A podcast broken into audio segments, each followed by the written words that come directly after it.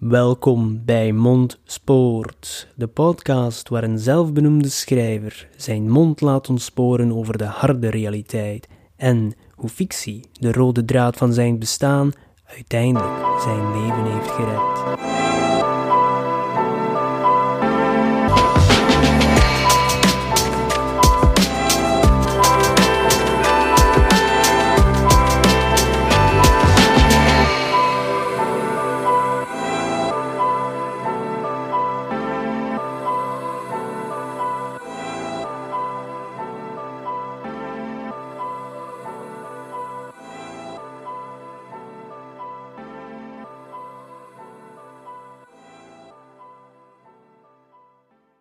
Welkom bij alweer een nieuwe aflevering van Mondspoort, de podcast waar realiteit en fictie elkaar vaak ontmoeten. Soms gaan ze hand in hand, soms komen ze niet overeen en soms gaan ze gewoonweg op de vuist. En vandaag stel ik de vraag: heb ik al mijn trucken opgebruikt? En dit gaat dan vooral over het schrijven. Wat houdt deze vraag in?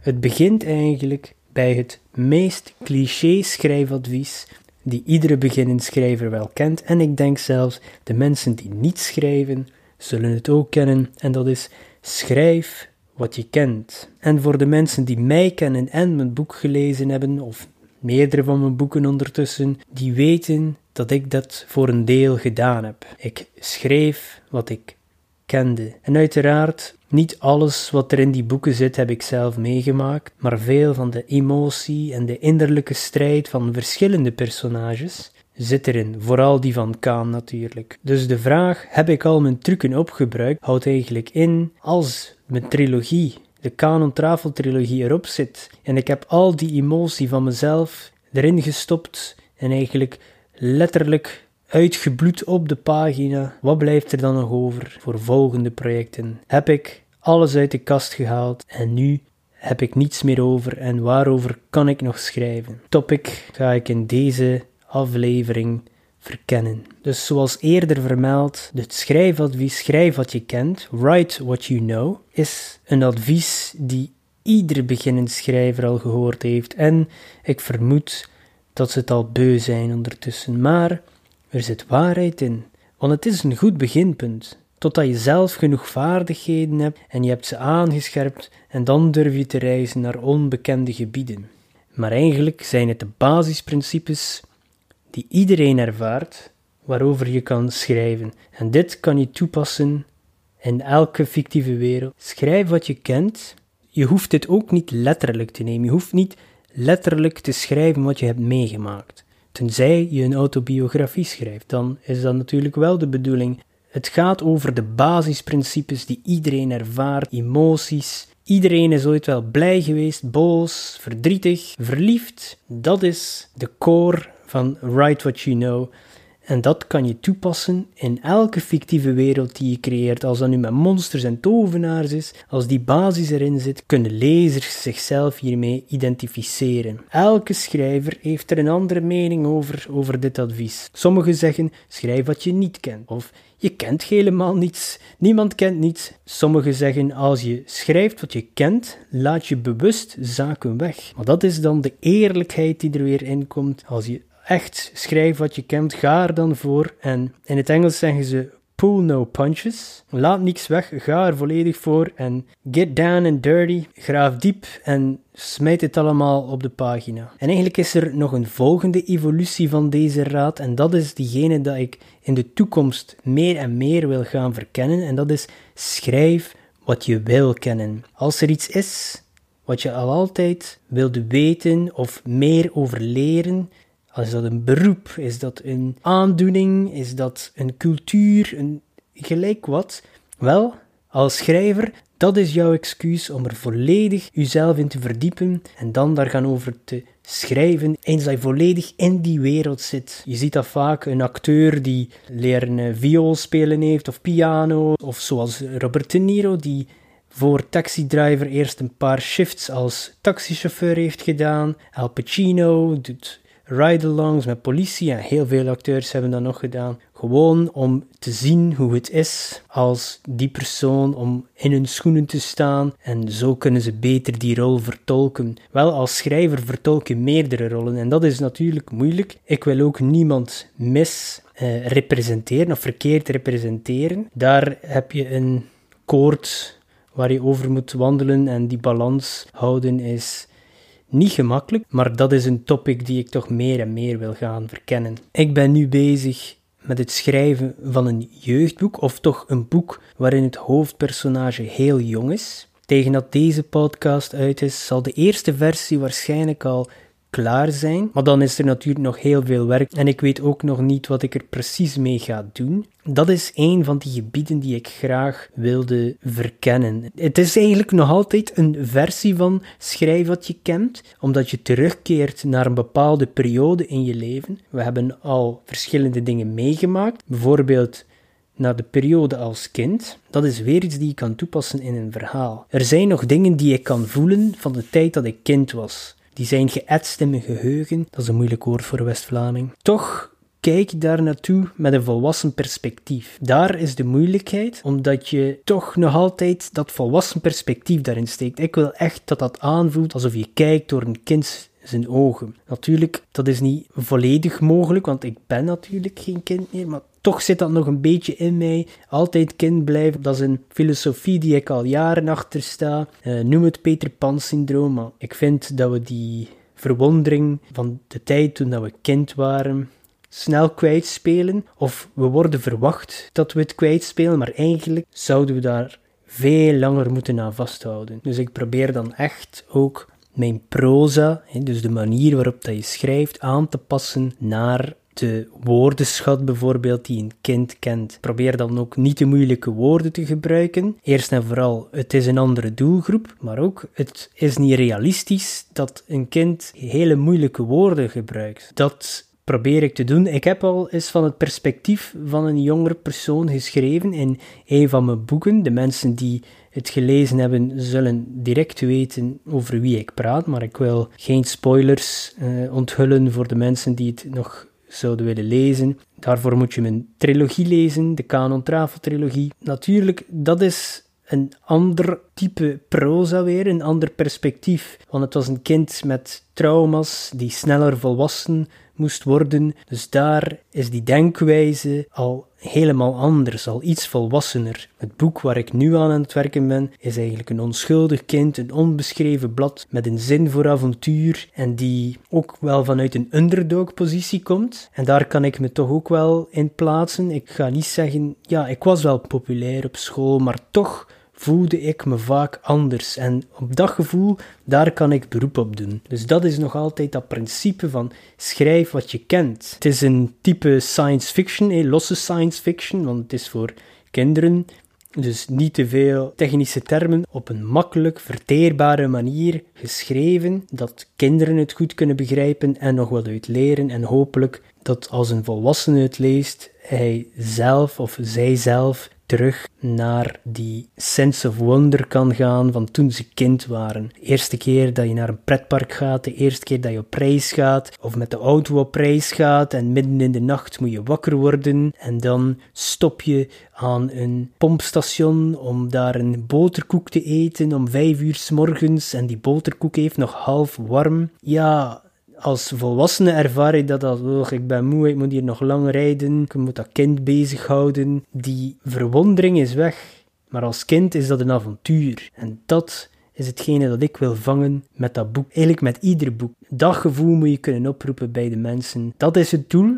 Of ik daarin slaag, dat is een andere vraag. Dat is altijd het vertrekpunt voor mij. De mensen eventjes de realiteit laten vergeten, die rekeningen die op hen wachten, even niet aan denken en gewoon in het moment, in het verhaal en gewoon in uw hoofd laten afspelen als een film en gewoon dat ze niet kunnen weggetrokken worden van die pagina. Dat is hoe ik het lezen heb ervaren door mijn leven, als je echt, dat is niet bij ieder boek, maar als je echt in een verhaal zit, dan is dat een ervaring die moeilijk kan gereproduceerd worden. Alhoewel het een ander verhaal is dan dat ik nu gewoon bent, hé, want die trilogie heeft heel veel van mij gevergd. Toch vraag ik me af, of toch zit ik nog met die vraag: heb ik nu al mijn trucken Ik heb nu drie boeken geschreven. Waarschijnlijk is de derde nog niet uit, maar die is wel al geschreven. Waarvan het hoofdpersonage te maken heeft met verslaving, depressie, verlies, verdriet en alle verschillende fases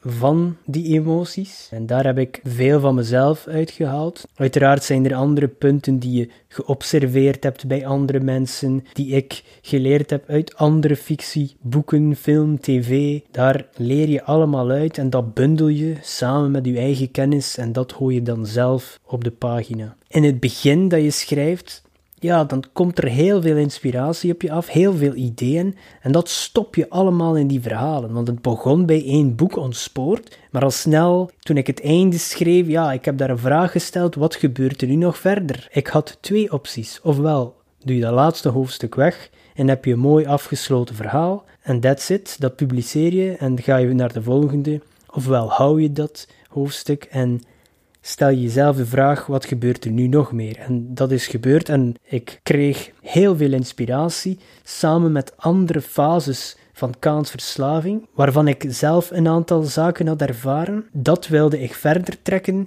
samen met de rimpeleffecten van de gebeurtenissen in ons spoort. Het moet een verhaal zijn die op, op zichzelf staat, waarvan iemand die mij niet kent, die mijn reis niet kent, moet het kunnen lezen voor wat het is. Er is nog meer symboliek achter die ik zelfs nog niet gedeeld heb met de mensen. Dat ga ik pas doen wanneer de trilogie volledig uit is. Voor een gewone lezer moet die symboliek niet aanwezig zijn. Het verhaal moet op zich staan. Maar al die inspiratie kwam. Ik wist dat ik drie verhalen kon opvullen daarmee, drie boeken. Het zijn geen lange boeken, maar ik wilde zo weinig mogelijk vet. En wat ik daarmee wil zeggen is dat het verhaal moest doorgaan en niet gewoon blijven lanterfanten rond gesprekken die er niet toe doen, die het plot niet voortdrijven en die de personages niet ontwikkelen. Voor mij in ieder hoofdstuk moest er ofwel iets van personageontwikkeling zijn, of iets die het plot voortdrijft, of iets van informatie die de lezer nog niet wist. Dat probeer ik in ieder hoofdstuk te stoppen. Al snel kwam bij mij de vraag van heb ik nu al mijn ideeën opgebruikt? Heb ik al mijn emotie uit mijn ziel getrokken op de pagina gesmeten?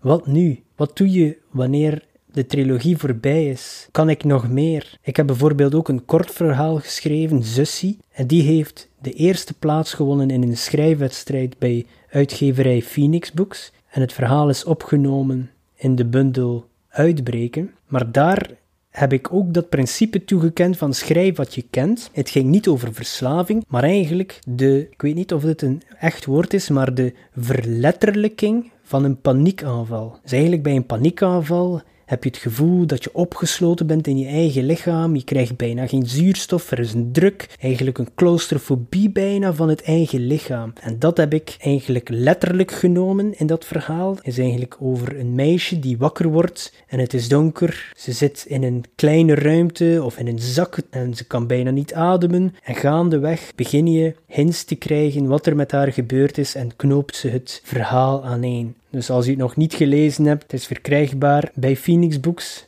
Een gesigneerd exemplaar kan je via mij krijgen. En er staan nog negen andere prachtige verhalen in van andere Vlaamse, Nederlandse schrijvers. Een echte aanrader. Dus, maar daar heb ik weer een truc uit mijn doos gehaald, omdat ik al sinds jongs af aan sukkel met paniekaanvallen, soms in mindere mate, soms echt heel hevig. Dat is iets wat je dan ook op die pagina gegooid hebt. De mensen weten dat niet. Enkel de mensen die mijn verhaal kennen of die naar de podcast luisteren of me volgen op TikTok, daar deel ik dit allemaal. Misschien is dat verkeerd van mij, want een goochelaar die zal ook zijn trucs niet verklappen. En ik zeg hier tegen jullie: kijk, dat is wat ik meegemaakt heb en zo heb ik het gebruikt in mijn fictie. Ik vind er niets mis mee is en ik hoop dat er soms mensen van die boodschap niet alleen kunnen leren, maar dat ze er iets aan hebben. Mensen die zelf aan het strijden zijn met depressie, angst, verslaving, dat ze weten dat ze niet alleen zijn en ik wil dat daarvoor delen. Ik luister ook soms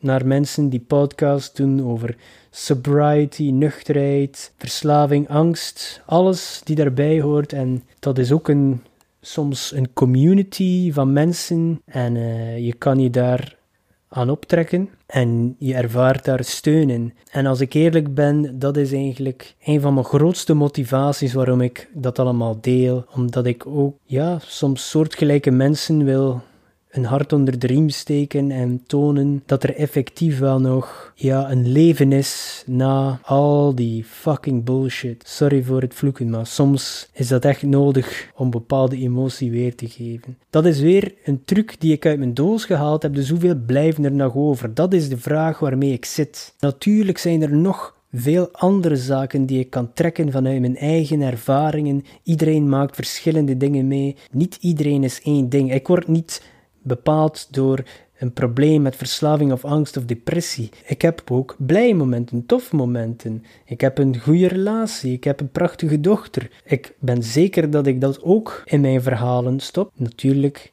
het zijn die zaken die echt wel een diepe indruk hebben nagelaten op jezelf. Dat is hetgene waar je meer op focust. En ik denk ook dat de mensen daar meer uit kunnen leren. En we moeten ze allebei tonen, de kanten. Anders weet je niet meer waarom dat je het doet. Het moet niet allemaal liefde en miserie zijn. Ik wil mezelf verbeteren als schrijver. En dan denk ik dat ik echt wel moet gaan naar die onbekende gebieden, naar de zaken die ik niet ken. Want ik denk dat dan de skills, de vaardigheden echt beginnen aan te scherpen als je echt begint te schrijven over zaken die je zelf niet hebt ervaren. Maar zoals ik al eerder vermeld, voor mij zit de angst er dan in dat ik het verkeerd weergeef. Ik wil niemand tekort doen door hun op een verkeerde manier te representeren. En ik vraag me dan af, doe ik dan liever niet dan fout? En daar weet ik niet goed wat het antwoord op is. Dat is weer opnieuw op dat koord dat je staat te balanceren met nog een glas water op je hoofd.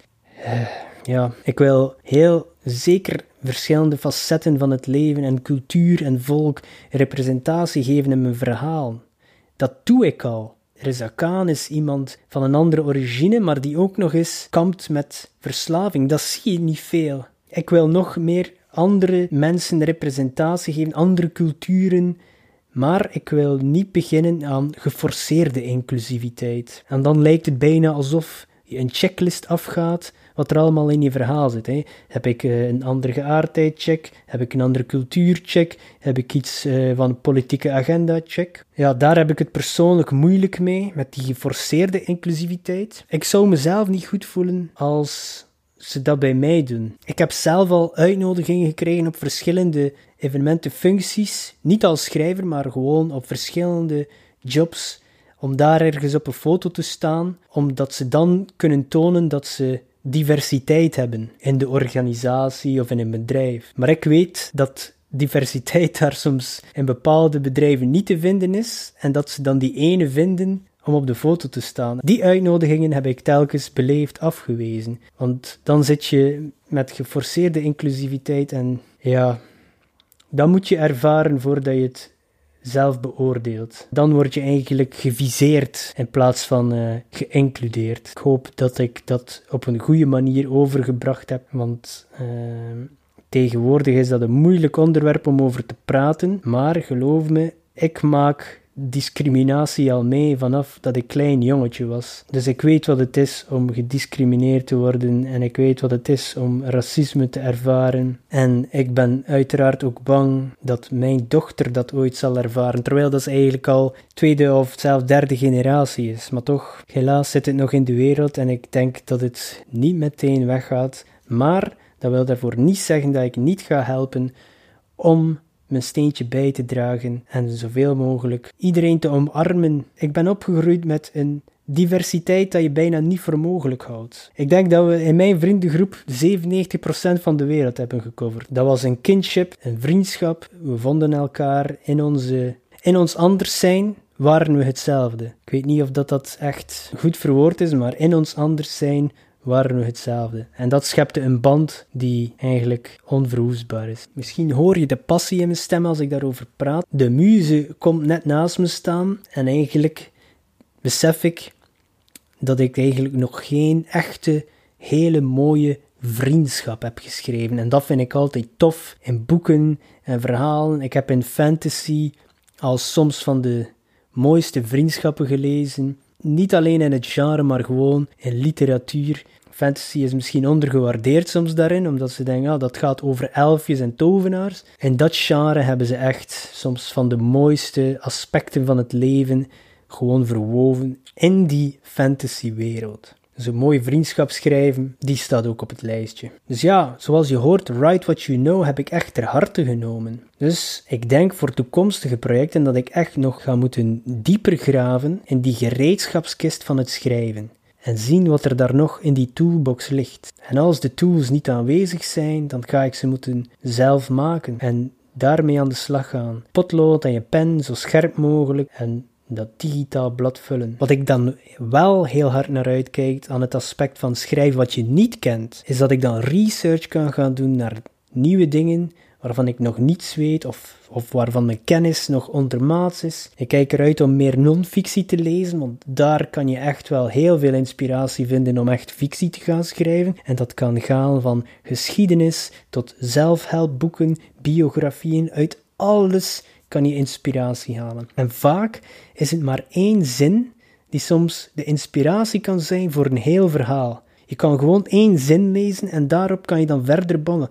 Hmm, dat is interessant. Stel een vraag aan jezelf en daar kan je dan een antwoord op geven die weer tien verschillende vragen voortbrengt. Inspiratie zit in het kleinste zaadje en als je dat goed voedt, dan kan daar de mooiste plant met bloemen uitkomen en daar krijg je enorm veel voldoening van. Want je gaat dan met, verder met je inbeelding op die ene gedachte, dat enkele zinnetje.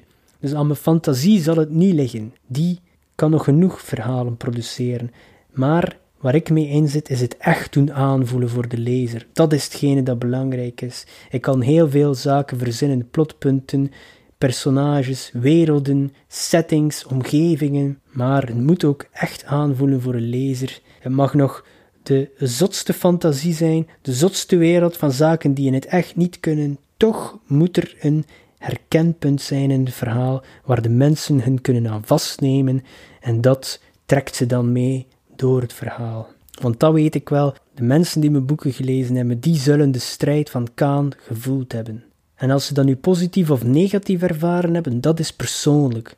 Dat is afhankelijk van wat ze zelf hebben meegemaakt in hun eigen leven. Dus om de vraag te beantwoorden, heb ik al mijn trucken gebruikt? Eerlijk gezegd, ik had geen antwoord toen ik de podcast startte. Maar gaandeweg, door die vraag te gaan verkennen, denk ik dat ik er heel veel heb uitgehaald en dat er nog wat overblijven, maar dat ik ook nog dieper moet graven in een kist die ik nog niet heb opengedaan. En ik denk dat daar misschien nog heel interessante dingen kunnen ontdekt worden. En ik kijk er naar uit om dat te doen en ik hoop dat jullie me volgen op die reis en dat jullie blijven luisteren naar Mondspoort. En ik bedank jullie heel hard voor de steun die ik tot nu toe heb mogen ontvangen. Ik denk dat ik het daarbij zal laten. Dank je wel voor het luisteren. Tot volgende week. En ondertussen, probeer het eens.